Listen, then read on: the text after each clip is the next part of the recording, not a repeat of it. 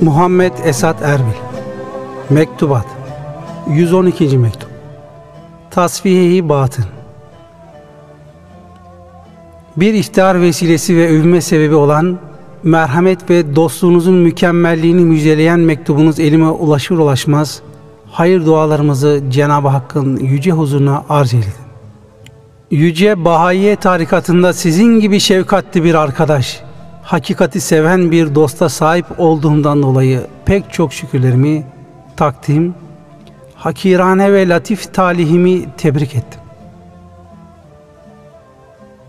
Teşekkür neticesi olarak vesile ittihaz ettiğiniz ruhaniyet ile ülfet, rabıtaya önemli sarılmakla Evliyaullah zümresiyle haşrolunacağınızı, insanoğlu üzerine yer ve gökten gelmesi muhtemel olan her türlü bela ve musibetlerden muhafaza buyurulmanızı Hazreti Pir Efendimizin şefaatiyle Cenab-ı Hakk'ın ilahi inayetinden niyaz ederim. Sevinç gözyaşları dökmeme sebep olan tarikattaki istikametinizden dolayı son derece memnun ve Cenab-ı Hakk'a müteşekkirim.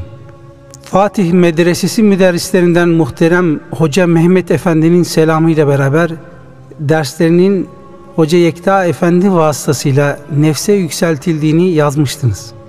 Bu yüzden Allah'a hamdolsun.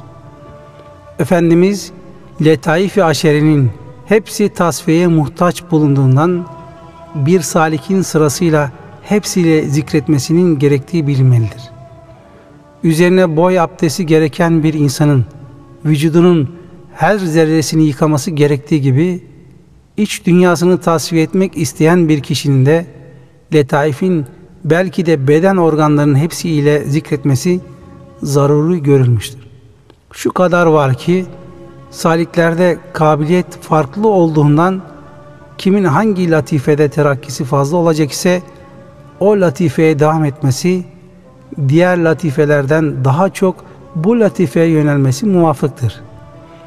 Buna göre değerli ihvanımızın hepsinin iç ve dış temizliklerinde muvaffak, masiyet ve zulüm çirkinliğinden korunarak Cenab-ı Hakk'ın huzurunda toplanmamızı, bitmez tükenmez ihsanlarla memnun buyurulmamızı rica ile tazarru ve istirham eyle.